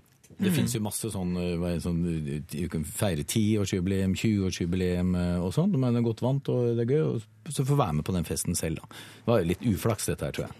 Ja, og så er det jo Det veldig amerikansk med det der å ta sånn renewal of the wows. Altså at man gifter seg på nytt, som jeg får jo litt sånn sursmak i munnen av. Men her tenker jeg at er det noen som skal få lov i Norge til å gifte seg en gang til, så må det jo være de her. Men da står det på penga. Ja, men det bør ikke være i Italia. Nei. Du må jo ikke leie hus i Italia for 100 gjester. Eh, For det har de jo allerede gjort, og hatt en bra fest. Det sier hun jo selv, selv om det ble dagen etterpå. Men det går jo an å arrangere en ny fest, og så si til folk Ta med mat, ta med drikke. Jeg var på et sånt bryllup i fjor hvor alle hadde med seg eh, mat og drikke som gave. Det ble fantastisk. Og hvis Det er jeg for. Jeg må jo si at hvis det er, jeg vet ikke hvor mange gjester det var, men 50 eller 70 eller 100 gjester, hvis alle de husker det som en fin fest, så er det en gave, det. Ja, for hvem er festen for? For ofte så føler jeg at brud og brudgom de har det veldig koselig, de to, og så er de andre rundt som egentlig er på fest. Det Hvis jo, de to ja, og, de, men, og man er litt støkk sammen. Man sitter egentlig i kanskje det kjedeligste stedet på bordet og sånn også, på enden der oppe med litt sånn svigers rundt og sånn, mens de andre er jo på festen. Ja, og så må Og du det- please tante Guri Ja, fra Toten og så videre, ikke sant? Masse regler og, og tradisjoner rundt det der, sånn at, uh, den bryllupsfesten er egentlig for de som kan, mest for de som kan slappe av når de har holdt talene sine og bare ha det gøy Ja. et par døgn. Så der syns jeg egentlig de har gjort en kjempeinnsats for vennene sine. Så burde kanskje vennene holde en fest for dem. Men det, det blir jo kanskje en litt mer sånn eh, positiv erfaring etter hvert som alle de treffer vennene sine, og de ser at alle de har hatt det, hatt det veldig gøy. Da. Og, Ja. og at de eh, assosierer det med noe, noe veldig positivt. og sånn. da. Og dette er i hvert fall et bryllup man husker. At man ikke faktisk må slå opp det bildealbumet da, for å si sånn Å ja, det var det greiene der, den hvite kjolen og den kaka som smakte helt ålreit. At dette er jo et bryllup Ja. man husker. Så jeg tror eh, her er det litt sånn tiden. Du, dere kommer er til å le av det om en stund, og så får dere lov til å ta en, eh, en repeat om en liten, liten stund, som ikke trenger å være så stor. Folk kan ta med drikke og mat og sånn selv. Lykke til, eh, Nina. Jeg håper ikke du blir syk på femårsjubileum eller når dere eh, velger å ha en fest neste gang. da. Og så er det mange som sier at 40-årsdagen det er nesten kulere enn bryllup, så kan du glede deg til det eventuelt. Lørdagsrådet På P3. P3 Ja da, hun driver også med musikk. Miley Cyrus, 'Wrecking Ball'. Man skulle jo tro at hun hadde startet en verdenskrig eller noe, hvis man eh, blar en avis eller åpner en nettside i det siste. Herregud, stakkars jente får så mye tid. Bare for å være litt naken, da, gitt. Hadde jeg hatt den kroppen. Jeg hadde vært naken. Ikke bare i musikkvideoer. Jeg hadde vært naken på jobb, jeg, faktisk, hvis jeg hadde hatt den kroppen der. Så det er derfor jeg fortsetter å kose meg med hvetebakst. Rett og slett bare for å, å skåne eh, de folk rundt meg eh, for en fremtid fylt av eh, nakenhet i korridorene. Så det er hyggelig av meg, da. Vi skal eh, hjelpe en jente på 18 år eh, hvert øyeblikk som har store problemer med å eh, ta en beslutning, rett og slett. Og det kan man jo kjenne seg igjen i. Eh, Jeg er en eh, bombastisk person som eh, mener ting veldig, men så mener jeg også det motsatte veldig. Så det er bra at jeg ikke er sammen med folk så lenge av gangen, for da hadde de skjønt at alt jeg sier, sier jeg det motsatte av dagen etter, for eksempel. Jeg vet ikke hva det er. Men jeg mener alt veldig, og det kan være litt slitsomt. Så her skal vi gi hjelp til en ubesluttsom jente på 18. Men jeg lurer på om jeg skal notere meg noen av disse rådene selv, og bruke de sånn rent privat. P3. Empire of the Sun, We Are The People har vi hørt. Og før det Justin Timberlake for andre gang i dag med sin eh, TKO. Jeg vet ikke hvordan det uttales. ja. TKO. Høres riktig ut, det. Ja, takk. Vi tar et uh, siste problem i Lørdagsrådet her denne morgenen sammen med Kristin Vincents, Petter Ness og Lars uh, Vaular. Det er en jente på 18 denne gangen som trenger uh, hjelp. Jeg endrer meninger og ønsker hele tiden, som eksempel. I løpet av videregående har jeg vært medlem i tre forskjellige politiske partier. I løpet av to måneder har jeg endret bestillingen min av russebukse tre ganger. Og jeg hopper mellom lærerutdanning, journalistutdanning, film og TV og internasjonale relasjoner før vennene mine rekker å si sosialantropologi. Det som er mest frustrerende av dette, er at folk ikke tar meg på alvor når jeg snakker om hva jeg vil og hva jeg mener. Jeg trenger noen tips til hvordan jeg kan slutte å være så ubesluttsom. Hilsen ubesluttsom jente 18. Ja, da heier jeg på ubesluttsomheten. Jeg synes det vi, Folk blir tvunget til å være besluttsomme altfor tidlig i livet. Allerede på ungdomsskolen så skal man begynne å pege, peile seg inn på hvilken videregående man skal gå på for at man skal få de og de poengene for å komme sånn. Så fortsett med det. Virr og ta for deg av livet. og Vær medlem av tre partier og foreninger og bytt russebukse til du blir for, fornøyd. Eh, Selvfølgelig når, hvis du blir på min alder og fortsetter sånn, så, så er det sikkert noen som har eh, gitt deg noen råd eller en på trynet eh, underveis, eller du har gitt deg det selv, men eh, jeg syns eh, folk skal få lov til å virre mye, mye mer i den alderen. Ja, Enn så lenge så skal man jo virre rundt. Men Ja. det er ingen som tar henne alvorlig. Når hun sier noe, så tenker folk sånn Nei, Nei, det jeg føler òg, bare for å fortsette litt på det her han sier, at uh, Altså, det, det trenger ikke bare være ubesluttsomhet. Jeg ser jo på det som at man liksom samler inn informasjon, da. Ja. At eh, du trenger ikke ta en avgjørelse på alt med, en gang. Du samler rett og slett bare inn informasjon. Og, og eh, ja, og det, det skal ikke undervurderes. Det er jo Jeg, jeg eh, har ikke bestemt meg ennå. Det er litt som han på 29 her som er forlovet, og som hadde så mye begjær for andre kvinner og sånt, som har lyst til å ta for Han er 29, hun her er 18 år. Ja. Eh, Og jeg er helt enig med Lars, det er bare å samle inn, altså prøve så mye som mulig og, og gjøre så mange feil som overhodet mulig. Jeg tror folk er opptatt av å gjøre de riktige tingene altfor tidlig i livet. Du, kan, du kan jo finne sånne enkle ting eh, som for eksempel russebukse og sånn. Altså hva klær du vil ha på deg og sånn. Det er jo greit liksom å ta fatt i og kanskje være besluttsom på at ok, jeg bestemmer meg for at jeg går med bukse i dag. Ja. Eller ja, sånne ting, da. For ellers så går jo alt opp i limingen.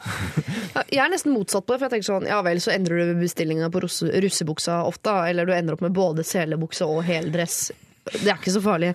Men hvis du først tar liksom to uker på journalistutdanninga, så tar du tre måneder på lærer, og så tar du innom film og TV, og så er du over på Så er det litt dumt, for da bruker du opp liksom masse tid og en haug med penger på å bli litt ditten og litt datten, og egentlig ikke noe. Men det er mye dummere å bruke tre-fire år på å bli journalist, og så finner du ut at du ikke har lyst til å bli journalist. Altså, men da burde hun heller virre rundt med noe sånn jobbe litt på Kiwi, litt på Rema, litt på Rimi, litt på Prix. Og så begynne å studere, for det er jo litt dumt å begynne å studere noe når man er så virrete. Og så havner du på Meny. Så havner du på Meny til slutt, ikke sant? Da har du vært gjennom det meste. Men eh, noe av det som skremmer meg mest, er jo folk uten livserfaring. Og det er gjerne folk som har bestemt seg eh, før de har fått på seg konfirmasjonsutstyret, hva de skal bli, og følger den veien. For da ser de bare én retning hele livet. Så jeg tenker at det er veldig sunt, i likhet med, med Lars og Petter. Men Kiwi, Rema, alt det der er sikkert fint, men hva med å komme seg litt ut i verden og se ting på nærmere hold? Oppleve noe annet enn å sitte i en kasse? Ja. Og så kanskje etter hvert eh, begynne å få en slags idé om eh, hva man har lyst til å gjøre. Hvis hun har råd og mulighet, men det har hun kanskje hvis hun har eh, råd til å skifte utdanning sånn eh, annenhver uke. Ja. Men uh, jeg lurer på, for jeg kjenner meg veldig igjen i ubesluttsom jente eh, 18. Jeg kunne kalt meg selv ubesluttsom jente 35. En del av de beslutningene som er tatt i livet mitt, er sånn som er dumpa i fanget-aktig. Uh, og det kan være litt sånn frustrerende, for jeg er sikker på hvis jeg hadde dumpet over en sånn derre eh, Fisk eller kjøtt, fjell eller fjord, de der eh, typiske spørsmålene der, så hadde jeg sittet sånn jeg liker både fisk og kjøtt, jeg liker både fjell og fjord. Jeg, altså, klarer, jeg, altså jeg har ikke sjans til å si at noe er bedre enn noe annet. Jeg aner ikke, jeg virrer rundt, jeg vet ikke hva som er best.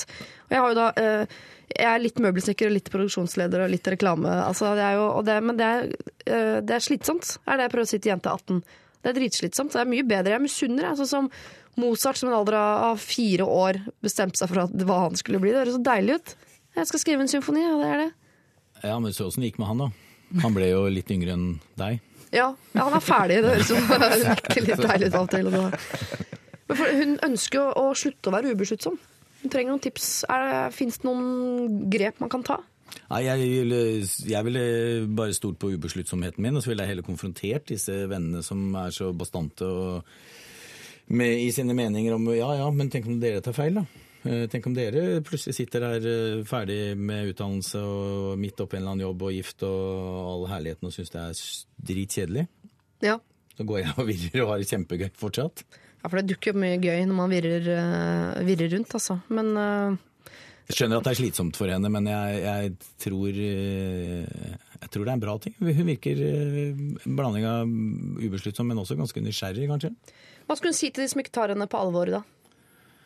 Kanskje hun skal slutte å, å bruke sånn megafon hver gang hun Ja, det høres jo eh, ut som hele tiden ny sier utdanning. at eh, ja, nå, nå tror jeg det, og nå tror, nei, nå tror jeg noe annet, faktisk. Jeg hadde, jeg, jeg hadde feil. Nå, har jeg, nå tror jeg noe annet. Ja, for det er, det, det er greit å være ubesluttsom. Hvis Så du er ubesluttsom og bombastisk, så er det litt Ja, Problemet er kanskje at hun bare maser veldig mye. da.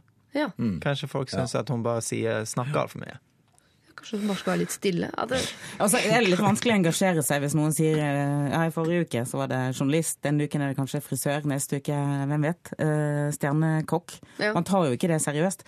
Men hun virker jo som en som eh, har veldig mye å gå på, som f.eks. melder seg inn i flere politiske partier og faktisk setter seg inn i hva de mener. Ja. De fleste har jo problemer nok med å stikke innom en valgbod og sjekke hva disse partiene faktisk står for. ja. Eh, annet enn det de ser av terningkast i avisene for hvem vant debatten og sånn. Ja. Så hun virker jo som en ressurssterk jente, men ikke mas så fryktelig om hva du skal bli Når du blir stor. Ja. Ja, kanskje det er ubesluttsom med jente 18. At ser på det sånn, som Lars sier. Du er i sankefasen av livet. Du bare henter masse uh, inspirasjon eller erfaring herfra, derfra, derfra.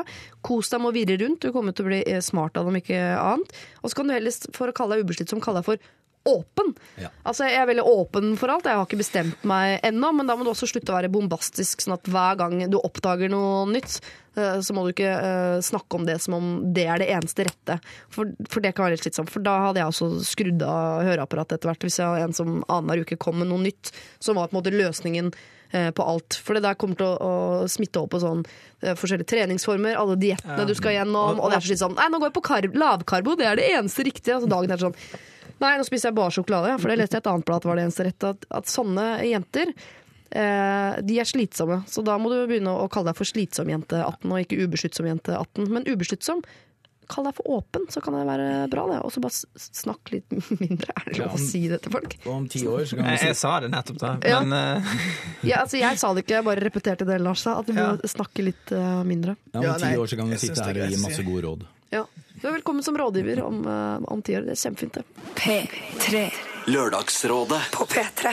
Da gjenstår det for oss å dele ut en eh, T-skjorte, og to av problemene vil eh, kanskje være vanskelig å kjenne igjen for deg, Lars, fordi de snakket jo om det før du kom. Eh, men jeg skal altså ta en oppsummering, sånn at dere skal slippe å liksom ta det fra toppen av hatten. Hva hørte vi? Hvilken låt vi har hørt? Ja. Ja, nei, jeg har hørt favorittlåta di, blant annet. CLMD, Black Eyes and Blue. Blue. Ja. Eh, de som kan få T-skjorte, er eh, jenta som har en kjæreste, men som har en familie i en by tre timer unna. Så annenhver helg så er han der og deler seng med sin eks, men da ligger jo faktisk barnet mellom, så han sier at det ikke er noe problem, osv. Det husker greiene der. Og så har vi da denne litt unge fyren som har kjøpt seg en hytte. eh, Og naboen på hytta er en mann, en pensjonist, som kommer innom en øl eller flere og gjerne vil slå an en prat. Og dette gjør han hver eneste dag, og det kan være litt slitsomt. Og så har vi da en far som har en sønn som har hengt seg veldig opp i hudfarge. Altså På den positive måten, egentlig. Man er ekstremt fokusert på de to gutta i barnehagen som er mørke i huden, og snakker om de hele, hele tiden. Og hans far syns det er litt vanskelig, da. Eh, så har vi eh, altså da eh, Satyren, Magnus. Han husker vi jo godt. Han er forlovet, han, han vil ha barn han har kjøpt seg hus osv. Man har også en seksualdrift ut av en annen verden og lurer på hvordan han skal temme dyret der nede. Eh, vi har en skuffet brud. Hun hadde leid lokale og alt. Hun. Det var 100 stykker i tallet, og det skulle bli både fint og flott. Men hun lå i andre etasje med bronkitt og klarte ikke å være med på moroa. Nå skuffet. Og så har vi den ekstremt ubesluttsomme jenta på 18, som vi nå har omdøpt til uh, 'slutt å mate så jævlig'. Nei da, vi har omdøpt henne til 'åpen' og i sankefasen av livet, jente 18. En av de skal få en T-skjorte. Hvem? Jeg, jeg, jeg syns at hun eh, jente på 18 eh, kan få en T-skjorte, jeg. Ja, Ja, så eh, får jeg du falt litt for henne, du. Ja, jeg gjorde egentlig det. Og, og jeg tenker at uh, hun ikke har det største problemet, på en måte, da, men hun har veldig mye muligheter. muligheter. Ja. Og uh, ja. Ja. Hun har sikkert bruk for en ny T-skjorte òg. Helt sikkert. Kanskje hun ikke Men da har vi det da, for Har å bestemme seg hvilken farge vi da har. ikke sant? Så har vi det gående, for det blir mailkorrespondanse herfra til helvete. ikke sant? Og så videre. Ja, det er en kandidat. Eventuelt han, eh, han eh, 29 år gamle forlovede. eh, Satyren? Ja, Kanskje han skal ta på seg den T-skjorta hver gang han går på byen, som en påminnelse om at eh, jeg har et problem. Ja, Han får ikke lokfører-T-skjorte, bare så det er sagt. Så du har er ikke kandidat til det. Jeg lanserer òg en av de jeg ikke har vært med på. Eh, Jeg skjønte ikke helt hva greien var, men han med den ungen og eksen Ja. som lå imellom, Ja. og. Ja. han kanskje trenger en T-skjorte. En Ja. stor en. Det var egentlig hun, da. Det var en jente ja, som har fått seg kjæreste for første gang i sitt liv, som har en eks og en unge som han besøker annenhver helg, og da leker de familie. Og Å, ja. sover i samme seng. Sover de i samme seng, da. Ok, men da kan hun få en T-skjorte. Ja, Eh, så hun kan gå med den og han, hver gang han er borte, bare for å minne seg om hvor jævlig Ja, hun er den som har det mest behovet. er. kjipt det er. Er det ikke hun som har det Det er hun det er mest synd på her, på en måte. Jo. I dag, syns jeg. Det er hun jeg føler eh, mest med. I tillegg til eh, kjæresten til uh, Narsissus, som Eller uh, satire, da. Ja. Men uh, hun har jo ikke sendt inn uh, sitt problem. Nei. Kanskje hun ikke vet om det engang. Nei, hun kanskje ikke sett eh, Satyren i sin forlovede. Jeg vet ikke. Men kanskje, kanskje han øh, Kanskje han Nei, hun. Ja. Med han i sengen med eksen og barnet. Ja, Kanskje hun fortjener en eller annen trøste... absolutt. Hun fortjener ganske mye, hun faktisk. Ja. Fortjener mye mer enn en T-skjorte, men det er nå engang det vi har liggende på på rekvisitalageret her. Ikke, skulle gjerne hatt, eh, det skulle hatt en egen hylle med bra mannfolk som bare satt der og ventet. Som vi kunne sende sendt med- ut til folk. Sende med noen tusjer og noen Ja. penner og sånn. Ja, Lars eh, er legger med noe her ja, i posen. Da blir det det, folkens. Jente med eh, kjæreste som har en eks og en unge og i det hele tatt posen full. Hun får en T-skjorte fra dere i dag. Tusen takk for at dere var her, var rådgivere. Eh, og ha en fortreffelig lørdag videre. P3. Foxes var det der, og låta Youth. Og eh, rådgiverne har eh, gått eh, hjem. eh, Og jeg, tenkte bare jeg skulle ta en liten eh, runde. Et lite tilbakeblikk. Fordi eh, vi hadde Lørdagsrådet forrige uke også, sammen med Erik Solbakken og Einar Tørnquist og Line Verndal. Og de fikk blant annet et litt kroppsnært problem, hvis jeg kan si det på den måten. Det handler blant annet om kjønnshår, vasking av hender og i det hele tatt. Altså to som bor sammen uten å være venner, hvorav den ene er mer uhygienisk enn den andre. Og den mest hygieniske av dem var den som sendte oss mail og lurte på hvordan de skulle få eh, romvennen sin til å bli noe mer hygienisk, da. Eh, du kan få høre noen av rådene som kom inn. Altså, jeg pleier jo å ha altså, Hvis jeg sitter på do, da, Ja. så pleier jeg å ha tingene nede i do, ikke oppå ringen. Nei, men det gjør tydeligvis Bernt, da. Jeg, jeg, jeg er jo av de renslige. Jeg syns det er, også er kjempeekkelt at man ikke vasker opp på hendene. Ja. Da tenker jeg at det er alt han tar på etterpå da, er full av Og så printer du ut det der bildet som er veldig lett å, å finne. Som er sånn hver gang eh, jeg ser eh, noen ballehår, så dør en kattunge. Så ser du da en søt kattunge over alle de ballehåra der. Så begynner han å ha den var, den var morsom, men da begynner han å tenke på det. Sett deg noen hårete mål. Hvis hun er tøff, hvis hun er tøff nok jeg, jeg vet, Det hadde vært vanskelig for meg, tror jeg, men øh, å si fra, altså.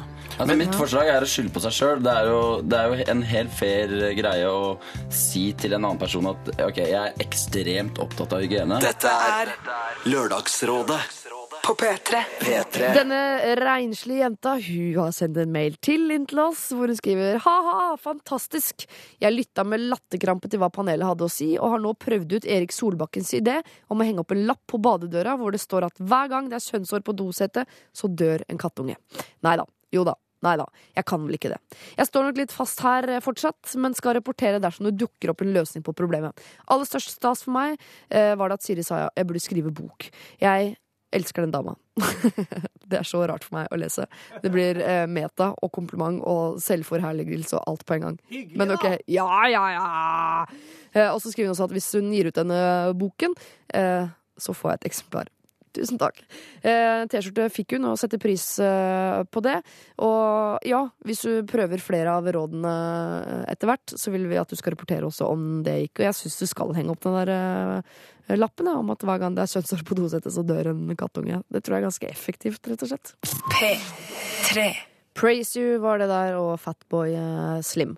Lørdagsrådet for i dag er eh, egentlig så godt som eh, over. Men uh, gråt ikke. Du kan laste ned podkast og høre det hele om igjen fra starten. Så mange ganger du vil, faktisk. ja, det kan du.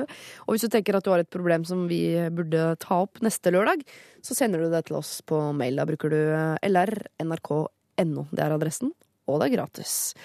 Eh, jeg vil også si at Lars Vaular, som var her i dag, han kan du eh, gå inn og se på eh, hjemmesiden til Kristine på p3.no, for han var jo gjest der også, hvor han blant annet framførte sin koking live. Og blir du ikke forelska av det, ja, så blir du ikke forelska. Da er du følelsesløs. Kald jævel, vil jeg kalle deg. Og da snakker jeg altså uansett kjønn. Hvis ikke du faller pladask for de greiene der, da har du et problem. Send inn til oss, eller nrk.no. Og så vil jeg si eh, tusen takk til eh, Tønna, sønnen min Jesper, som har sittet så snill og sett på iPad gjennom hele denne sendingen. eh, stakkars, syk som han er. Og tusen takk til deg, dr. Jones, eh, tekniker og produsent. Vært en glede. Ja! Ja! Nå er vi ferdig. Opp eh, mot nyhetene så får du eh, Macklemore sammen med Ryan Lewis og deres Can't Hold Us. Og på andre sida av nyhetene eh, så får du eh, Radioresepsjonen, så ingen grunn til å finne på noe annet. Bli inne. Det er helt sikkert dårlig vær uansett hvor du er i landet. P3. Dette er Lørdagsrådet På P3. P3. Hør flere podkaster på nrk.no podkast.